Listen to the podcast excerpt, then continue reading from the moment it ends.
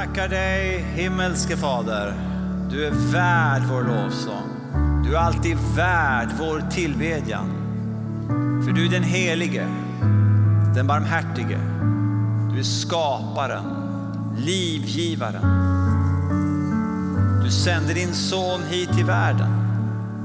Du har blivit människa, dött för vår synd. Du har uppstått från de döda. Du heliga Ande av nåd här just nu och vilar över oss och i våra hjärtan med din ljuvliga närvaro. Du är helig, helig, helig. Herre, vi bara ber den här dagen att du skulle föda i våra hjärtan på grund av din nåd och godhet en ström av tacksägelse, lovprisning, glädje, frihet. Det ber vi dig om far. I Jesu namn. Amen.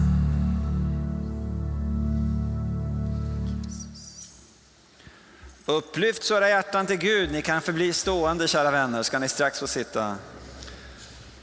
Upplyft era hjärtan till Gud och hör tacksägelsedagens heliga evangelium. Så skriver evangelisten Lukas. Då Jesus närmade sig staden och var på väg ner från Olivberget började hela skaran av lärjungar i sin glädje ljudligt prisa Gud för alla de underverk de hade sett. Välsignad är han som kommer, konungen i Herrens namn. Fred i himlen och ära i höjden. Några fariser i folkmassan sa då till honom, Mästare, säg åt dina lärjungar att sluta. Han svarade, jag säger er att om det tiger kommer stenarna att ropa. Så lyder det heliga evangeliet. Lovad vare du Kristus.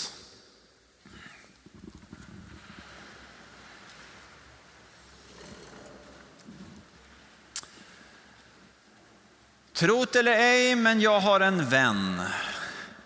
Han är biskop i London, biskop Andrew Watson. Och eh, han eh, brukade ha en församling som han regelbundet predikade för. Och där fanns det två församlingsmedlemmar, ett gift par, som eh, bekymrade honom. Eh, egentligen var det väldigt mycket som var gott med dem. De eh, hade strålande karriärer, de hade stora ekonomiska tillgångar, på många sätt enorm favör. Det var bara ett problem. De här två, det här paret i hans församling var som två isblock. De frös ner allting i sin närhet. För de talade och tänkte som det verkade i princip bara negativt. Min vän biskop Andrew han bestämde sig för att göra ett hembesök för att se om han kunde råda bot på detta. Så han och hans fru blev hembjudna till detta rika, framgångsrika men ack så kalla par. Och han berättade för mig att han hade aldrig ätit en måltid med så god mat. Han hade aldrig ätit det med så fina bestick, så fin servis i ett så vackert och påkostat hem. Ändå så ville han och hans fru bara gå hem så snabbt som möjligt. För eh, isblocken, de var djupfrusna och de spred bara kyla omkring sig. Och det gick inte att råda bot på. Så eh, de gick hem ganska nedslagna. Sedan hände det någonting som han inte kunde undgå att observera några månader senare. Och det var att detta rika, framgångsrika par som var som två isblock plötsligt började förändras. Ja, man kunde rent av säga förvandlas. Isblocken var nu istället två eldar som strålade av Kristi värme och kärlek och började dra andra i församlingen till sig. Och till sin stora häpnad kunde biskop Andrew se hur denna förvandling höll i sig. Nog den största förvandling han hade sett hos två församlingsmedlemmar någonsin. Och eh, några månader senare ytterligare så var han och hans fru om igen hembjudna till samma par. Den här gången var det om igen den godaste mat de någonsin ätit på den finaste servis de någonsin sett i det vackraste hem de någonsin befunnit sig i. Men nu var det en glädje och en fröjd att vara där. De ville aldrig gå hem. För de umgicks ju numera inte med två isblock utan med två eldar. Mot slutet av kvällen tog min vän biskop Andrew mod till sig. Han svalde ett par gånger och så tittade han på detta par, detta rika framgångsrika par som nu förvandlats till eldar från isblock. Och så sa han till dem, jag måste vara ärlig. För ett tag sedan så tyckte både jag och min fru att det var nästan plågsamt att umgås med er. Och när vi var hos er förra gången så tyckte vi att ni var som två isblock som frös ner allting i er väg. Vi ville bara gå hem så fort som möjligt. Men nu, sen ett par månader verkar ju allt ha förvandlats. Och ni sprider ju bara värme och kärlek. Jag måste bara fråga, jag hoppas ni inte tar illa upp. Vad är det som har hänt? Ja, det här rika framgångsrika paret verkar inte ta illa upp alls av frågan. Och de svarar omedelbart. Jo, sa de till biskop Andrew, det var en predikan du höll. Och så där gillar man ju att höra som predikant, eller hur Mats? Så uh, han uh, var tvungen att fråga, jaha, vad, vad, vad, vad var det för predikan då? Jo, sa de, det var en detalj i en av dina förkunnelse, dina predikningar som grep oss och som Gud använde för att förvandla oss. Du nämnde en gång vad din andliga förebild gjorde, en äldre präst. Du nämnde att du har lärt dig av honom och du nämnde att han varje kväll skriver han ner 15 saker han tackar Gud för. Och vi upplevde tydligt hur den heliga ande bara lyste på oss, att vi var otacksamma, vi aldrig tackade Gud, vi aldrig gav Gud äran och vi blev förkrossade. Och efter det har vi börjat tacka Gud varje dag, varje kväll för 15 saker och det har förvandlat våra liv. Och när biskop Andrew sa det här till mig så uh, jag tackar Gud, absolut, försöker ge honom äran, men det är mycket som kommer i vägen och det vart eh, på något sätt, eh, vad ska vi säga, det vart en inbjudan att, att stiga in i att mer tydligt få ha med det här som en nåd i sitt liv. Men, men ni vet, man ska göra det till sitt. Så att det liksom fungerar för, för en själv som man är. Och jag tyckte 15, det är ett krångligt tal.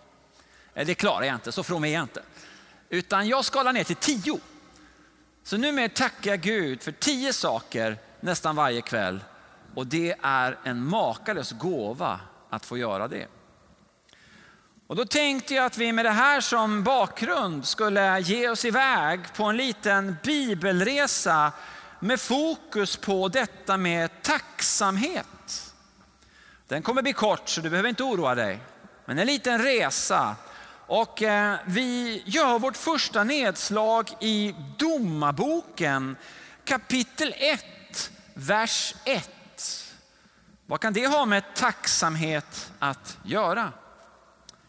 Ja, det står så här. Efter Josuas död frågade Israels barn Herren och sa, vem bland oss ska först dra upp mot kananéerna och strida mot dem?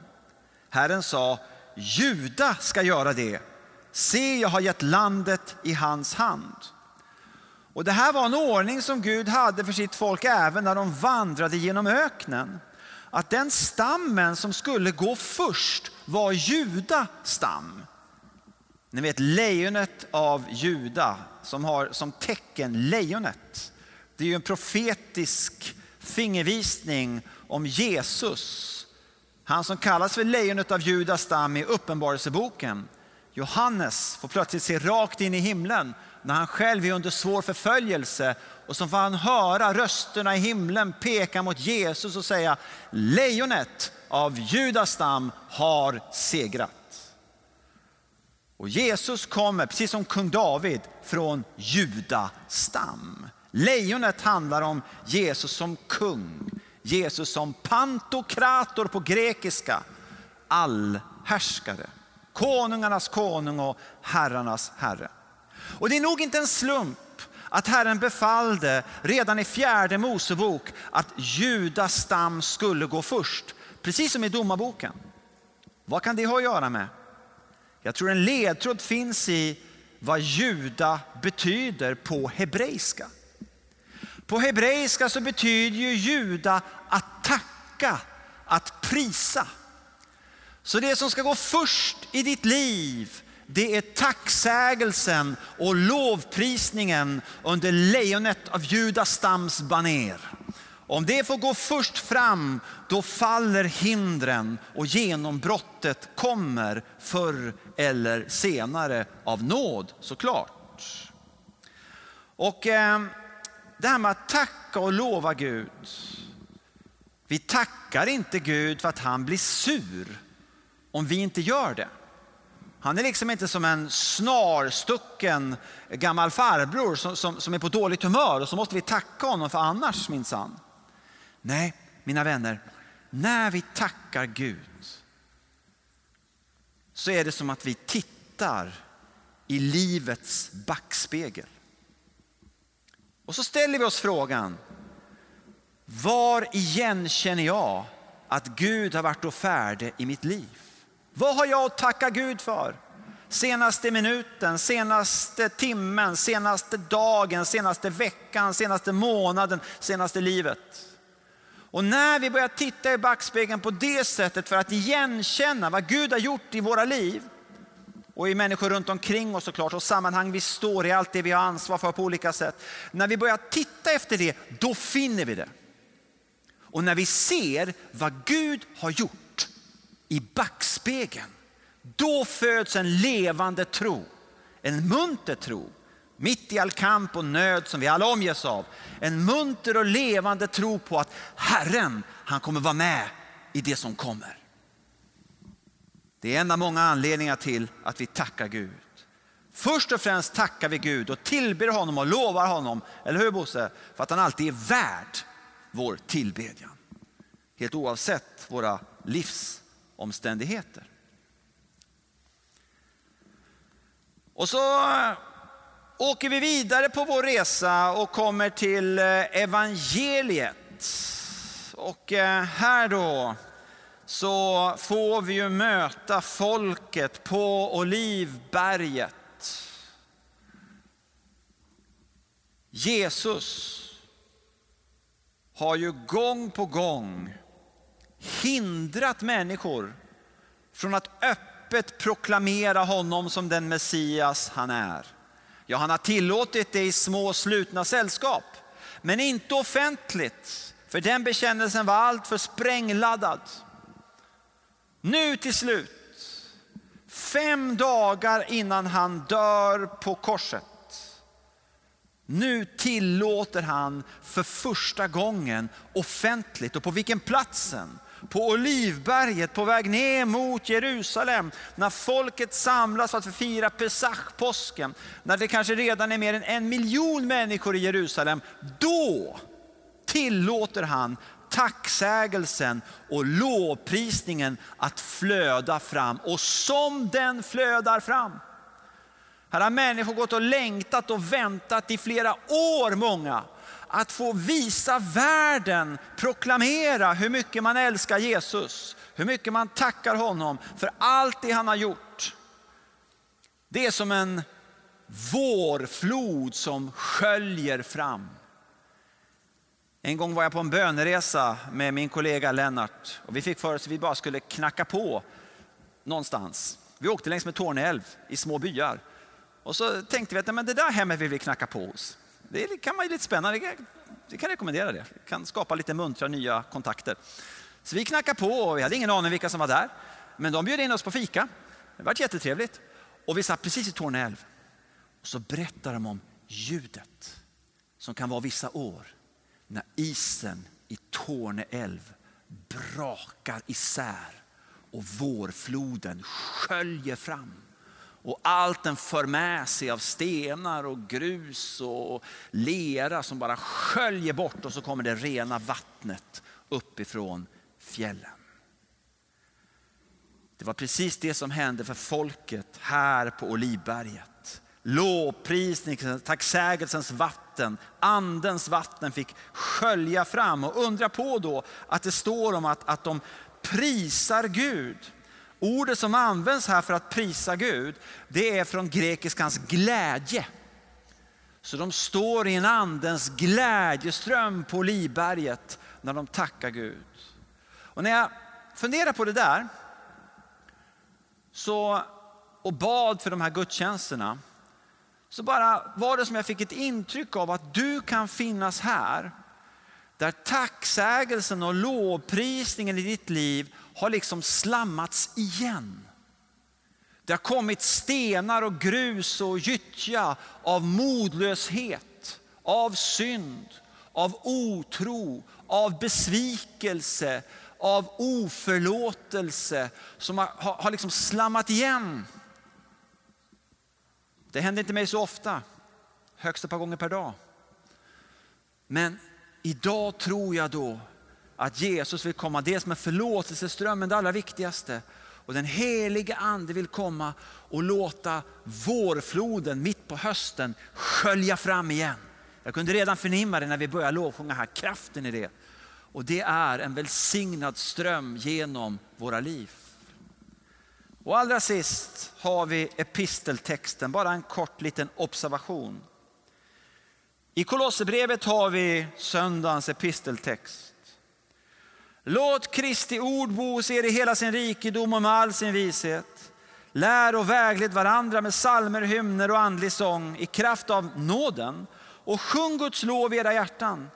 Låt allt vad ni gör i ord eller handling ske i Herren Jesu namn och tacka Gud Fadern genom honom. Lägg märke till att detta skrivs av en man som hade ohyggligt mycket kamp och attacker i sitt liv varje dag. Och så skriver han just om det här med att tacka Gud. Och vi ska avsluta dagens språklektion med det grekiska ordet för att tacka. Det tror jag många av er kan, eller hur? Evcharisto. Det betyder tacka än idag i Grekland. Det är ett tips. Evcharisto, och det används ju till och med om nattvarden med koppling till första Korintierbrevet. Evkaristi kallar vi ibland nattvarden för, tacksägelse. Innan gudstjänsten här, jag har ett sjukligt intresse för små ord. Så var jag tvungen att, att, att studera det här ordet eukaristi. Vad, vad betyder det om man bryter ner det? Och det blev ganska fascinerande. För vet du vad det grekiska ordet för tacka, prisa betyder om man bryter ner det i detalj? Det är två små komponenter. Dels är det ev. Och ev är ett prefix som betyder gott, god. Och sen kommer det grekiska ordet för charis, för nåd. Så när det står i Bibeln varje gång att tacka Gud så står det bokstavligt översatt god nåd. Alltså när vi igenkänner att vår Herre, han ger oss god nåd. Då påminns vi om att han är god. Han älskar oss mer än vad vi kan förstå. Och när vi inser och igenkänner, med, baserat på samma ord, att nåden är god. Nåd på latin, gratia, betyder ju gratis. Nåden är Guds gratis som han bara ger oss bara för att. Bara för att han älskar, aldrig för att vi förtjänar det så förstår vi att vi varje dag fritt och för inte får full förlåtelse, vi blir fyllda av den heliga ande, vi får livet av honom själv. Varje andetag, varje ögonblick i vårt liv är Herrens goda nåd. Med det kan vi stiga in i förväntan i framtiden. Amen.